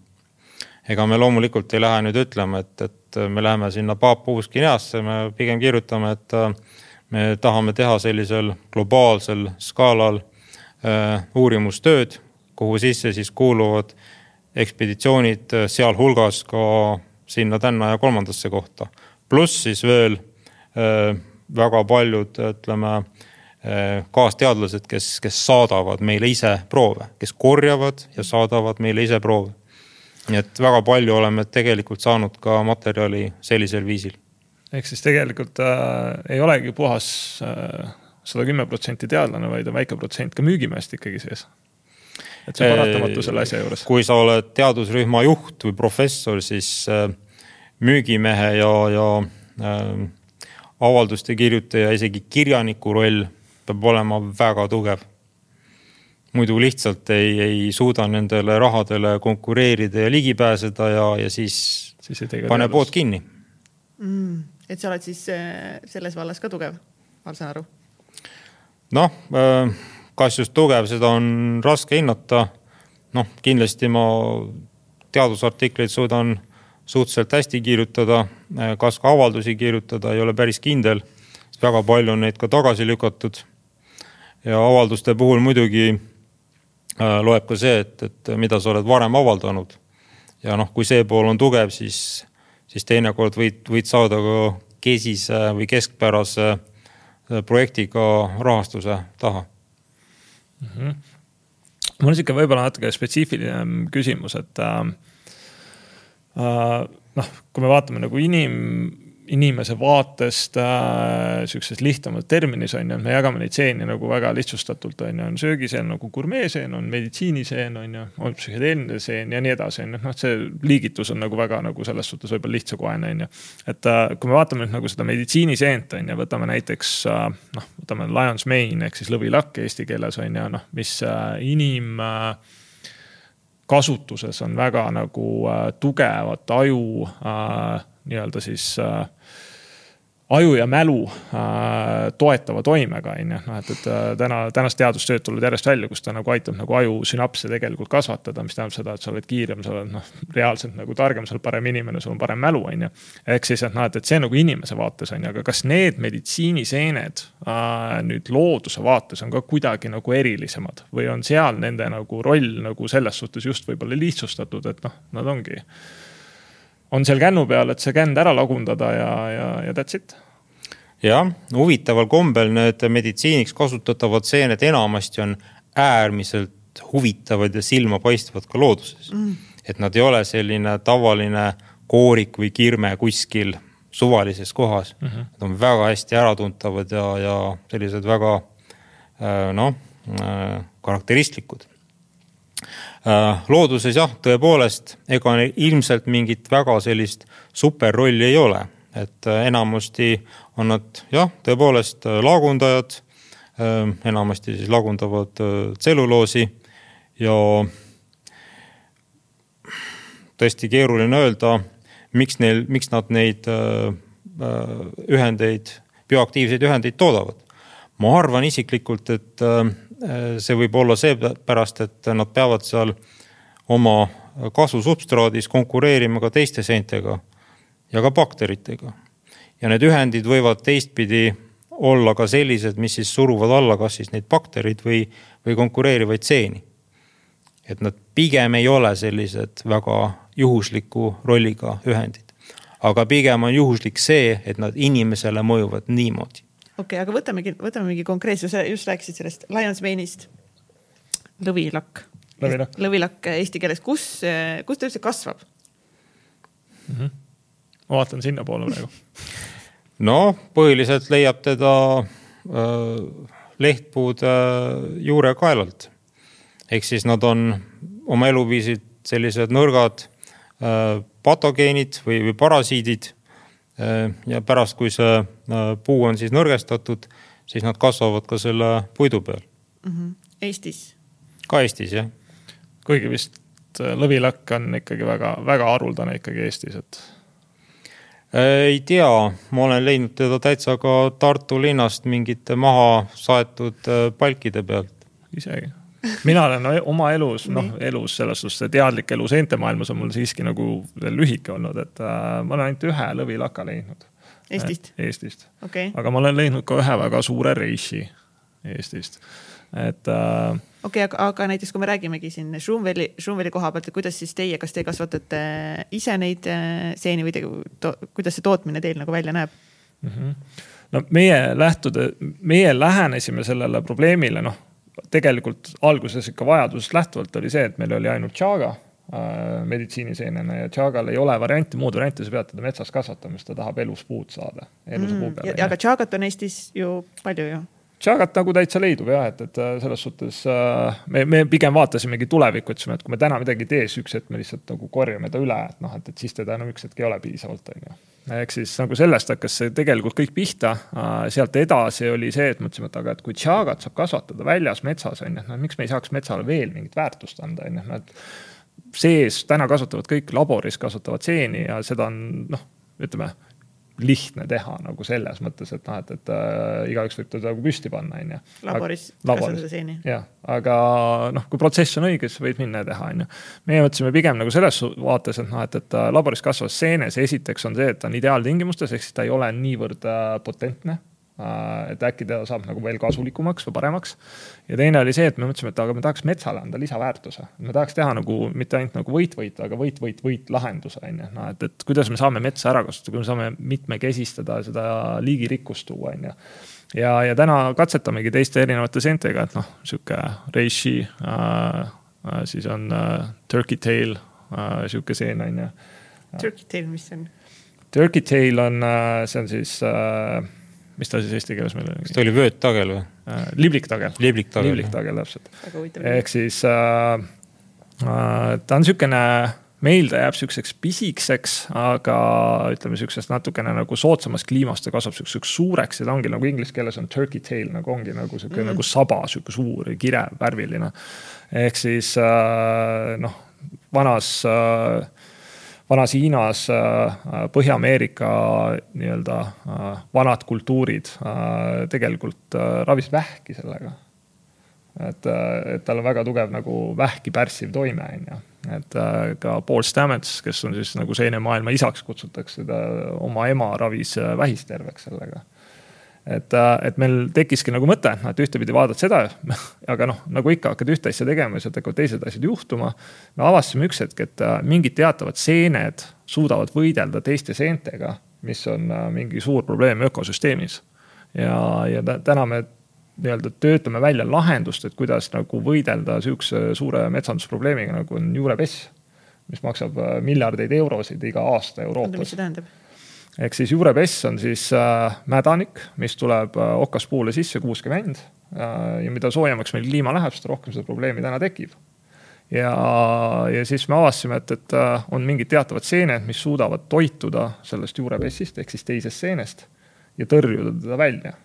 ehk siis me teeme tegelikult seda metsanduse ökosüsteemi tervemaks läbi selle. et, äh, et see on kõik veel katsetamisel. Leo, kuidas sina seda näed? no põhimõtteliselt see äh, põhimõte on, on juba varasemalt välja töötatud mitukümmend aastat tagasi.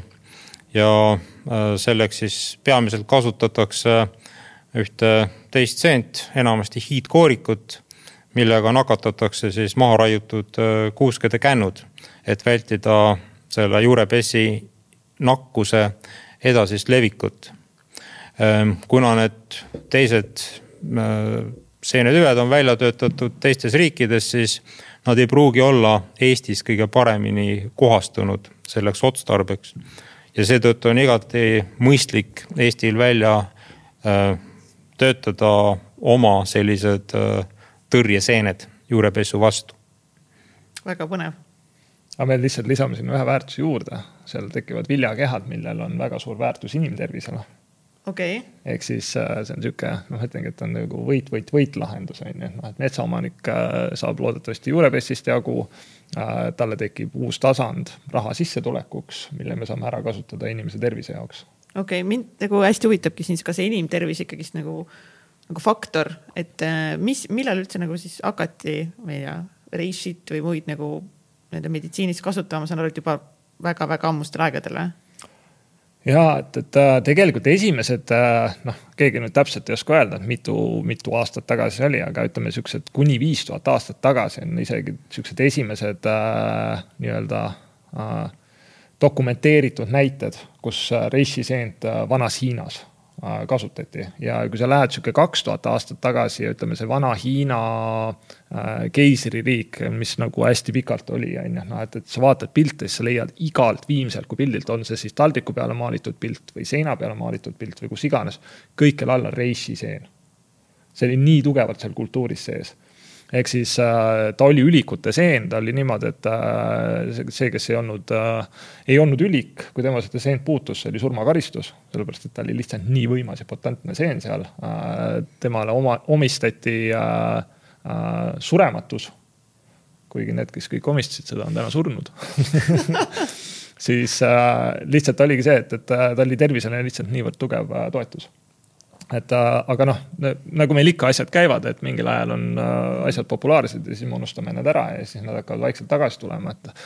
et äh, sama lugu oli ka Chagaga on ju, et, et äh, noh, aastasadu oli Chaga väga väga suur tegija meie regioonis ka, hakati uurima, Tartu Ülikoolis uuriti seda on ju. väga palju tuli selle kohta teadustööd.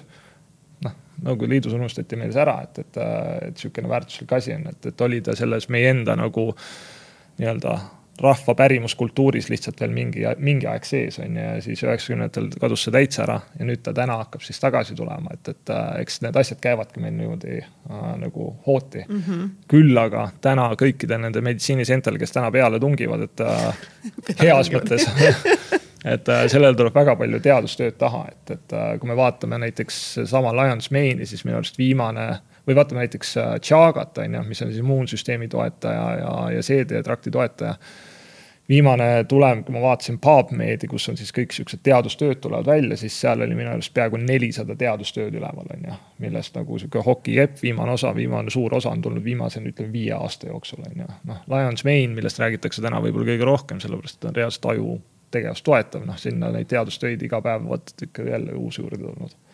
Leo, kas sind ka kuidagi see inimkeha faktor selle juures huvitab või see on pigem nagu täiesti sinu jaoks mingi teine valdkond, kuhu sa nagu et sina pigem lähed, uurid nagu looduses neid lihtsalt? no minu peamine huvi on ikkagi selline nii-öelda fundamentaalteaduslik, et äh, mis toimub looduses, äh, millised on mehhanismid äh, ja kuidas, kuidas ütleme, seened ja taimed omavahel nagu mm -hmm. interakteeruvad. mis puudutab nüüd seda meditsiini poolt, siis ma pigem lähtun noh, sellistest teaduslikult äh, tõestatud tulemustest. ja noh, enamasti on näha, et, et äh, paljud need äh, meditsiiniliselt kasutatavad seened, tõepoolest, nad sisaldavad antioksüdante, muid bioaktiivseid ühendeid ja teatud katsetes siis on nad näidanud ennast ka positiivsest küljest. et ma leian, et igal pool me ei saa ka ainult noh, inimkatsetele toetuda, sest äh, inimkatsed võtavad palju aastaid aega ja nende läbiviimine teinekord maksavad miljoneid. aga noh, loomulikult me puutu-, puutume kokku ka selliste juhustega, kus siis kas siis teatud seeneliigid või teatud liikide mingid konkreetsed tüved ei oma mingisuguseid äh, meditsiiniliselt äh, noh, ütleme tervist parandavaid funktsioone nii et noh, seda on kindlasti nii ja naa ja kindlasti tuleb seda kõike ka rohkem uurida ja terasid siis sõkaldest välja sõeluda.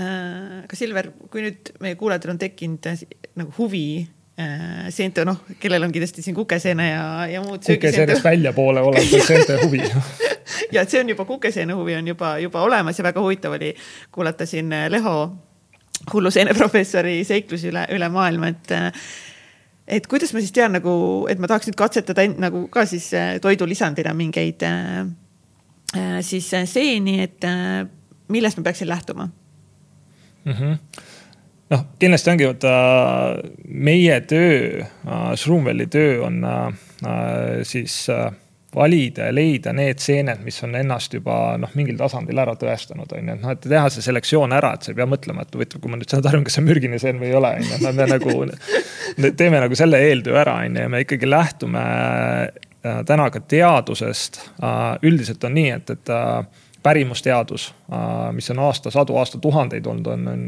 nagu ajast ees, on ju, ütlevad, me oleme mingi aeg teinud katse-eksitusmeetodil, näe, toimib, on ju, ja siis täna see teadus tuleb järgi ja siis me vaatame, okei okay,, et kuhu see tänane teadus siis suudab, kuidas ta suudab seda ära selgitada, on ju, noh, me nagu vaatame seda mõlemat poolt ja, ja siis äh, me teeme selle eeltöö ära. Äh, seentega on see huvitav asi, et seentele et seda liiga, mitte liiga keeruliseks ajada, et igale seenele saab väga tugeva mingi funktsionaalsuse tervise vaatest äh, anda. et äh, noh, Chaga on sihuke immuunsüsteem ja, ja ütleme, seedetrakt. Cordyceps on sihuke energia. Lions Mane on äh, fookus aju, Reishi on sihuke rahu, uni, noh, et, et me oleme hästi nagu selles suhtes lihtsustanud selle ära, on ju. ja, ja meil on täna nagu noh, lihtne on, lihtne on teha toodet, et, et näed, siin on reishi pulberad on ära, panen kapslisse, ütlen, näe, võta nüüd seda kapslit, on ju, et noh, et, et äh, seda toodet on ka kindlasti täna turul vaja. aga me oleme, tahame alati viia vähemalt üks või kaks sammu edasi, et me tahame tuua seda lisaväärtust sinna juurde, et noh, et, et kas siis mingisugust teist looduslikku äh, komponenti äh,, mis võimendaks selle seene äh, tegevust, toimeainet mm -hmm või siis äh, tuua sinna midagi juurde, sest noh, loodus ei ole nagu must ja valge, et loodus on alati koofaktorid on ju, et üks mineraal toimiks, sul on vaja teist mineraali Just. juurde, üks vitamiin toimiks, sul on teist vitamiini. et noh, et äh, me ikkagi nagu seda teaduslikku poolt täna ikka oma ettevõtte sees arendame kõvasti, et noh, sellepärast on meil ka Leho Tedersoo toodud nagu nõunikuks ettevõttesse, sest et äh, meil on vaja seda poolt nagu arendada, on ju, et kui me vaatame seda seenekasvatuspoolt ja seda kogu metsanduspoolt, noh, selles suhtes, et äh, me võime lugeda ja teha küll, aga me, me ei loe kindlasti rohkem, kui Leho seda teeb. Siin ei olegi varianti, noh et, äh, et me kutsume kindlasti inimesi üles nagu selles suhtes nagu avatud äh, meelega seda asja nagu vaatama, kui neil on küsimusi, jumala eest nagu küsige, sellepärast me siin olemegi, me oleme aru saanud, et me oleme võtnud täna selle pioneeri nagu staatuse natukene, kus me peame seda inimest, äh, inimest harima ja meil ei ole selle vastu midagi, et see on, see ongi väga okei okay ja see on hästi huvitav, et äh, kuidagi jah, siis need äh, seened on siin nii, nii aktuaalseks nagu pilti, pilti tulnud ja nagu väga ju tugevad kõik USA-s ka nii paljud biohäkkerid ja kõik nagu räägivad äh, nende, nende seente, seente kasulikkusest ja kuidas ikkagist kõik aitab, aitab meid ja, ja nüüd tuleb Leho räägib siin veel, veel, veel rohkem nagu seente hingeelu, et ja ma nüüd olen ise ka ju tarbinud siin viimased nädalad juba Lions Mane'i hommikuti võtnud ja Reishit õhtuti no ma nüüd jälle ei saa nagu väita, et siin nagu, nagu sellest nüüd on, onju, keegi ei ole mind nagu teaduslikult siin veel uurinud. aga uni on palju sügavam ja ma olen tundnud, et hommikuti mul on nagu kohvi vajadus ära kadunud, et kui ma vanas ma olin ikka suht sihuke kohvisõltlane. No ma ei ütle, et, et enam ei ole, aga see, et kuidagi see tunne, et kui ma varem oli nagu see, et ma tahan nagu hommikul kohe kohvi juua on kuidagi nagu kadunud, ma ei tea, see võib olla ka lihtsalt millestki muust, aga kuidagi nagu, ma ei tea, parem kuidagi tunne on ärgates ka. Mm. Mida no. sa ise oled näinud? Nagu mingeid tulemusi? Uh, palju, palju. Uh,, noh, ma ennem seda ma ütlesin ära, et, et kust see nimi Shroomwell tegelikult tuleb, on uh, uh Shroomwell kui selline on natukene nagu sihukene käibefraasi sektori nimi. Ehk siis äh, shroom ehk siis mushroom, well ja wellness on ju, noh, et ja mitte ainult nagu inimkonna vaates, vaid tegelikult nagu kogu ökosüsteemi vaates on ju. Eesti keelde saab teda tõlgendada ümber umbes nii, et, et uh, seene väärindamine inimkonna hüvanguks et kas see on siis, me teeme parema metsa, et meil oleks parem elu või me teeme parema tervise või nii edasi, on ju. ehk siis äh, ja see ongi, sellepärast on ka see, sai nii-öelda ettevõtte nimeks võetud, et noh, et, et see nagu nii hästi selgitab ära, mida me teeme, sellepärast et me ei ole ainult nagu lõpptoode või me ei ole ainult metsandus, on ju, et noh, et, et. ja, no siis teil ennem oli ju Chaga Health, et nüüd tuli lihtsalt see Shroom veel rebrandisite mm. -hmm. ehk siis äh,, ehk siis me teeme kõik endast äh, võimalikku, et nii-öelda seda seent väärindada siis nagu inimkonna hüvanguks.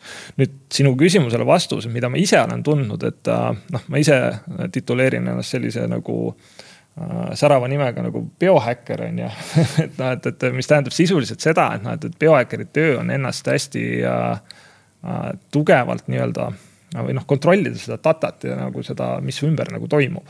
ehk siis mul on sihuke nagu asi ka nagu sihuke sõrmus on ju, mis kontrollib kõiki su keha näitajaid, asju, mis annab hästi palju nagu seda datat noh, Lions Mane'i ma tarbin mul, ma julgen väita, et ma sain lapsepõlves kaks väga-väga suurt peapõrutust, mis mõjutasid mu kooliaega, mis mõjutasid mu nagu sihukest nagu õppimisvõimet, mälu, nii edasi. ma olen täna nüüd seda Lions Mane'i tarbinud sihuke noh, üle aasta ja, ja ma tunnen, et ma olen nagu oluliselt kiirem, ma teen oluliselt kiiremini otsuseid, ma teen nagu äh,. elu on kergem, elu on lihtsam nagu, et noh, et äh, ma ei oskagi seda paremini seletada äh,. Reisiga ma mingi hetk kaotasin ära unenäod selles magasid küll, ärkasid hommikul üles, haigutasid, vaatasid hea uni oli, onju. aga siis nagu keegi küsis, mis unes nägid? aga ma pole ammu und näinud, onju. no täna ärkan üles unenägudega, noh, ma ärkan niimoodi hommikul üles, ma olen nagu, et oota, mis juhtus? et nagu, kas see oli nüüd päris või see oli nagu nüüd unenägu või noh, et sa elad seda nagu nii hästi nagu läbi, onju. mis tegelikult näitab une kvaliteeti, onju. mis näitab une kvaliteeti, onju, ma täna saan aru, kui oluline see on. aga noh, mitte ainult see, et ma näen unenägu, vaid need on värvilised unenäod Need on kohe nagu värvilised. ma ei räägi reisist, ma ei räägi ühestki mingist muust seenest siin. Leo kuulab pealtvaata, okei okay,, need inimesed siin et noh, et, et äh, ja, ja ma olen seda täna seda nagu sedasama protokolli, mida ma ise kasutan, ma olen nagu väga paljudele inimestele nagu soovitanud, sest uneprobleem on täna täiesti uskumatult suur probleem meie ühiskonnas ja, ja kas see on mul ema või on see mõni sugulane või tuttav, kõik ütlevad, et kuule, ma hakkasin unenägusid nägema, et ma hakkasin magama nagu, et mu keha rahunes maha, et see on täiesti nagu hoopis teine tasand. et noh, siukseid lugusid on mul nagu, nagu mustmiljon, aga noh, need ongi, need on minu lood, on ju, noh, et, et ja need on minu kogemused ja ma tahaks, et nagu äh, meie inimkond ja meie inimesed seda nagu tunneksid, sest noh, ma arvan, et me kõik võiksime olla, saaksime olla paremad inimesed mm. -hmm ja ma olen nõus, no eks see kuidagi see ongi see, see toidulisandite kultuur on praegu hästi kasvamas, on hästi aktiivne ja hästi palju on hästi palju erinevaid kogu aeg nagu toidulisandeid, mida me peaksime nagu tarbima, mida me peaksime nagu mitte tarbima, mm. et seda nagu, seda on hästi palju. no mul on ka olnud need kapid ja sahtlid on olnud igasuguseid asju täis ja igasuguseid asju on proovitud, et aga ma täna selles suhtes äh, noh, miks ma nagu seentesse nii väga usun, noh, seesama, ma kuulan Leho on ju, ma kuulan nagu, et noh, et, et mis seal nagu all toimub, on ju, kui komplekssed nad on, on ju, ja noh, selles suhtes nad toovad selle komplekssuse endaga kaasa, nagu seal ei ole mitte midagi teha, et nad toovad sulle sinna sellesse toidulisandisse ka tegelikult selle komplekssuse, et, et äh, ma nagu seened on mul põhiline nii-öelda toidulisand täna on ju, et noh, et siis mingeid muid asju sinna kõrvale natuke mm. -hmm et nad on võimsad ja ma arvan, et me alles teame heal juhul ühte protsenti kogu nende võimekusest mm. -hmm. ma ei tea, paranda mind nojah, kui me vaatame, et sada tuhat liiki on teada ja, ja kindlasti on veel äh, miljon või mitu teadmata, siis äh, väga palju on selliseid äh, omadusi, erinevaid aineid, millest meil ei pruugi veel õrna aimugi olla. ja ilmselt meditsiinis võib-olla üks kõige suuremaid potentsiaale on ikkagi sellistel alternatiivsetel antibiootikumidel mm. -hmm. sest nende tootmises on ka noh, seened on ikkagi maailmameistrid jah, penitsiliin, et noh, ka ju puhas seen on ju hallitusseenest äh, nii-öelda äh, välja töötatud äh,. noh, täna selles suhtes maailma muutev, noh, kui meil penitsiliini poleks olnud, siis ma arvan, et me ei oleks oma arengus siin, kus me oleme, on ju. Mhm. et äh,, et see on päris, päris võimas. ma korra küsiks sult, Leho, nagu sihukest küsimust, et äh, mis sina arvad, et noh, meil täna on, sa ütlesid miljon liiki on meil avastatud või? millest üheksas. miljon on avastamata. on avastamata, aga kust sa tead, et see number miljon on? No miljon vähemalt äkki viisteist miljonit. ehk siis arvatakse, et äh, teatud sellised matemaatiliste eks-, ekspl-, ekstrapoleerimistega on leitud, et see arv võiks olla kuskil kaks-kolm miljonit äh, noh, seeneliiki kokku ja kui me teame ainult äh, sadat tuhandet, noh siis see sada tuhat on tõepoolest ühe väga suure jäämäe tipukene. kolm protsenti okei okay., aga mis, mis sa arvad, mis siin äh, või noh, see on sihuke, ennustamine on tänamatu teema, aga, aga nagu sinu teadlikkuses, sa oled maailma tasemel teadlane täna ikkagi, et, et äh, mis, mis sa arvad, mis avastused meid veel ees ootavad? et äh, mis siin on sihukest nagu, mis paneb meid ahetama, ohetama veel, et? no seente vallas võib vabalt olla ka ütleme see, et kuidas seened ikkagi kannavad mingisuguseid signaale edasi noh, see on nüüd ütleme äh, selle seente fundamentaalbioloogia aspektist. ja mis puudutab äh, biotehnoloogiat, siis kindlasti erinevad biomaterjalid, mida saab seentepõhistest produktidest teha. näiteks, et asendada mingisuguseid soojusisolaatoreid või, või, või muud säärast. ja miks mitte ka veel uued äh, mingid äh, ravimitüübid täiesti, mis võivad selguda alles mingite teatud seenerühmade esmakordsel äh, läbikammimisel. ma loodan, et Leho nimi saab sinna kuskile nendest alla no vaevalt minu, minu teema on ikkagi pigem seente levik ja, ja seente määramine kui, kui selline, et, et seda muuta paremaks ja, ja ka, et maailma seeneteadlased saaks omavahel paremini siis äh, äh, üksteisest aru, kui, kui me räägime noh, teatud seeneliikidest ja eelkõige veel sellistest liikidest, millele ei ole nimesid antud. noh, sellest hakkabki, ma loodan, et sinna saabki Leho nimi alla, et me saaks nende asjadega edasi minna. millega sa täna tegeled, Leho, just, mis on su igapäeva fookuses? No põhimõtteliselt äh, ma tegelen äh, ühes osas siis doktorantide juhendamisega, mul on neid seitse tükki hetkel. ja teisalt on siis käsil kaks projekti, üks on siis Eesti seente, metsaseente siis peremeespuude eelistused.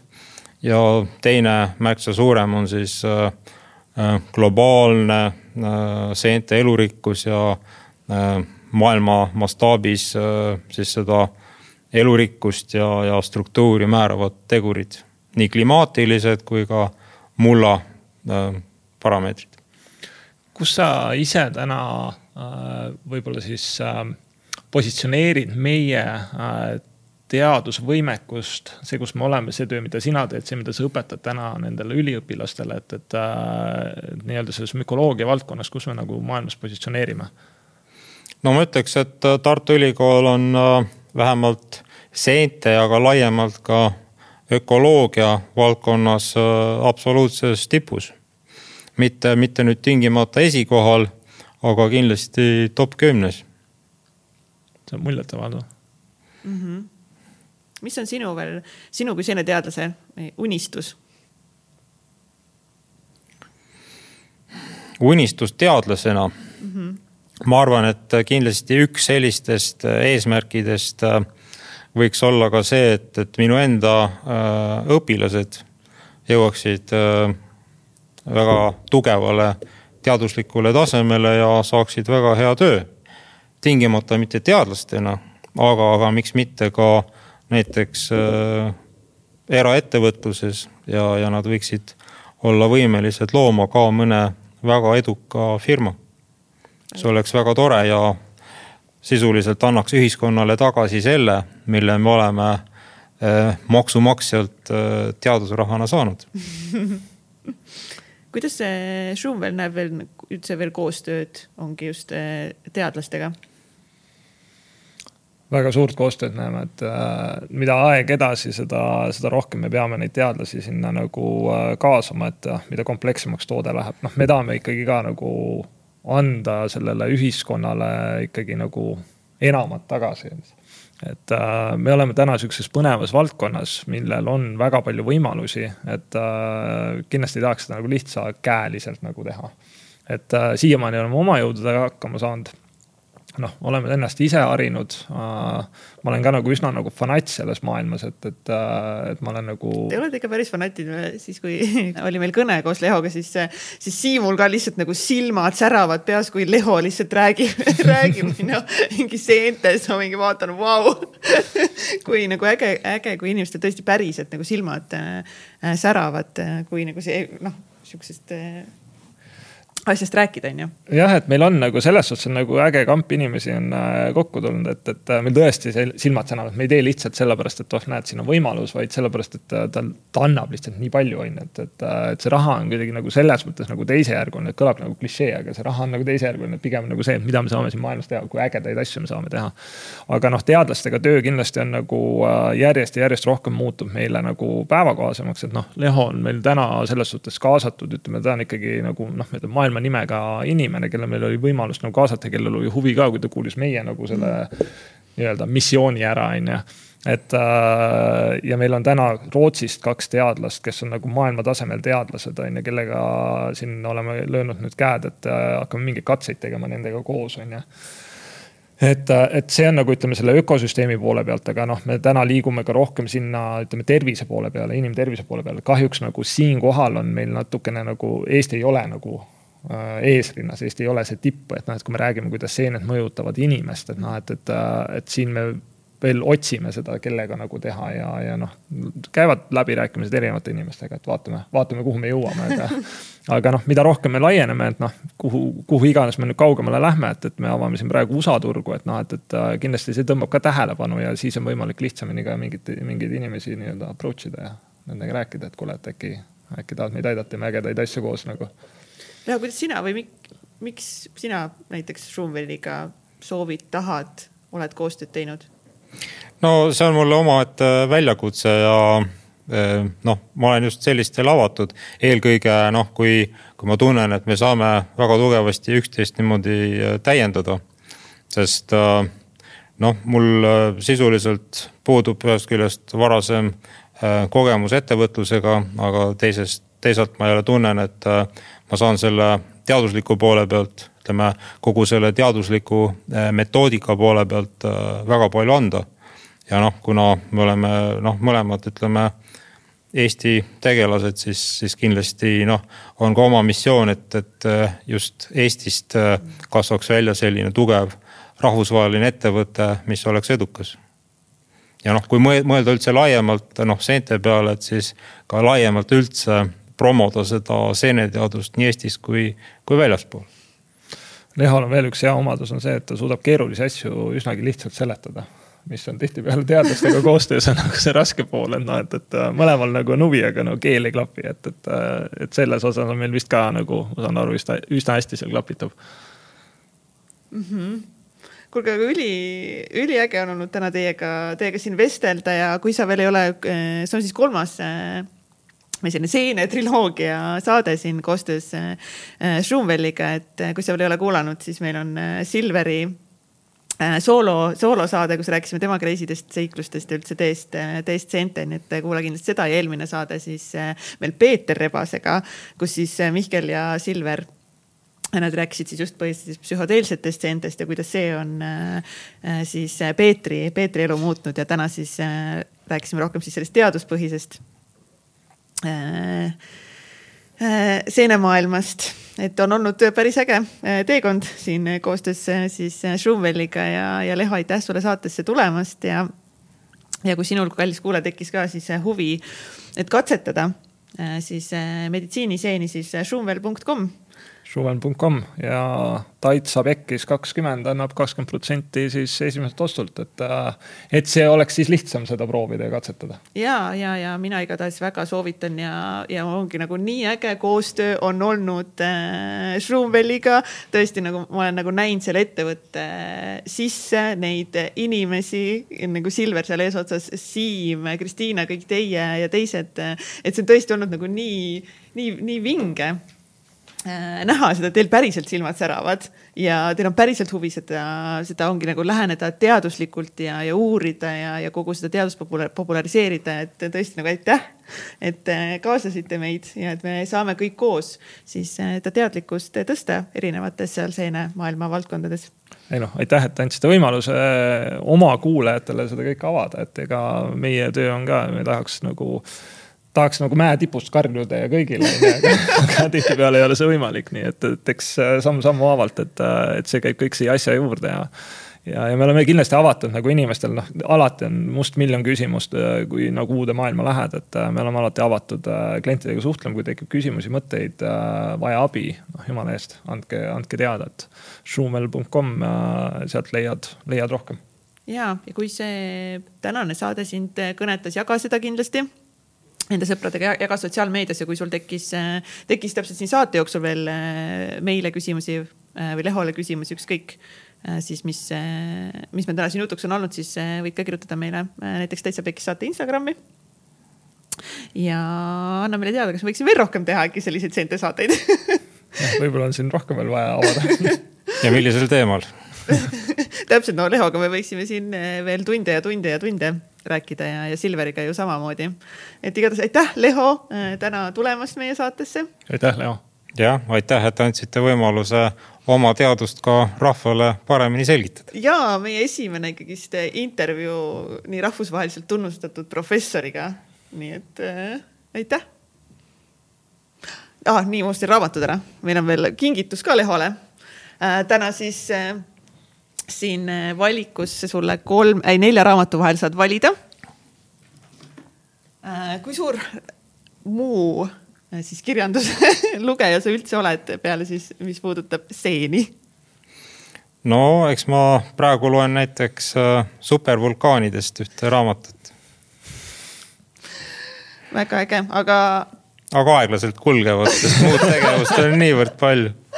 unejutuna teinekord unejutuna, aga, aga siis võib-olla unejutuna sulle natuke ka, kuna sa ütlesid, et sa tahad ka arendada endas seda ettevõtluse äh, poolt ja et oma, oma õpilastele jagada erinevaid teadmisi, siis äh, vaatame, mis sind võiks kõnetada siit selline raamat nagu Järeleandmatu heast suurepäraseks ja sealt äh, edasi peatamatuks, peatamatuks seeneteadlaseks on esimene variant, saad valida endale siit ühe.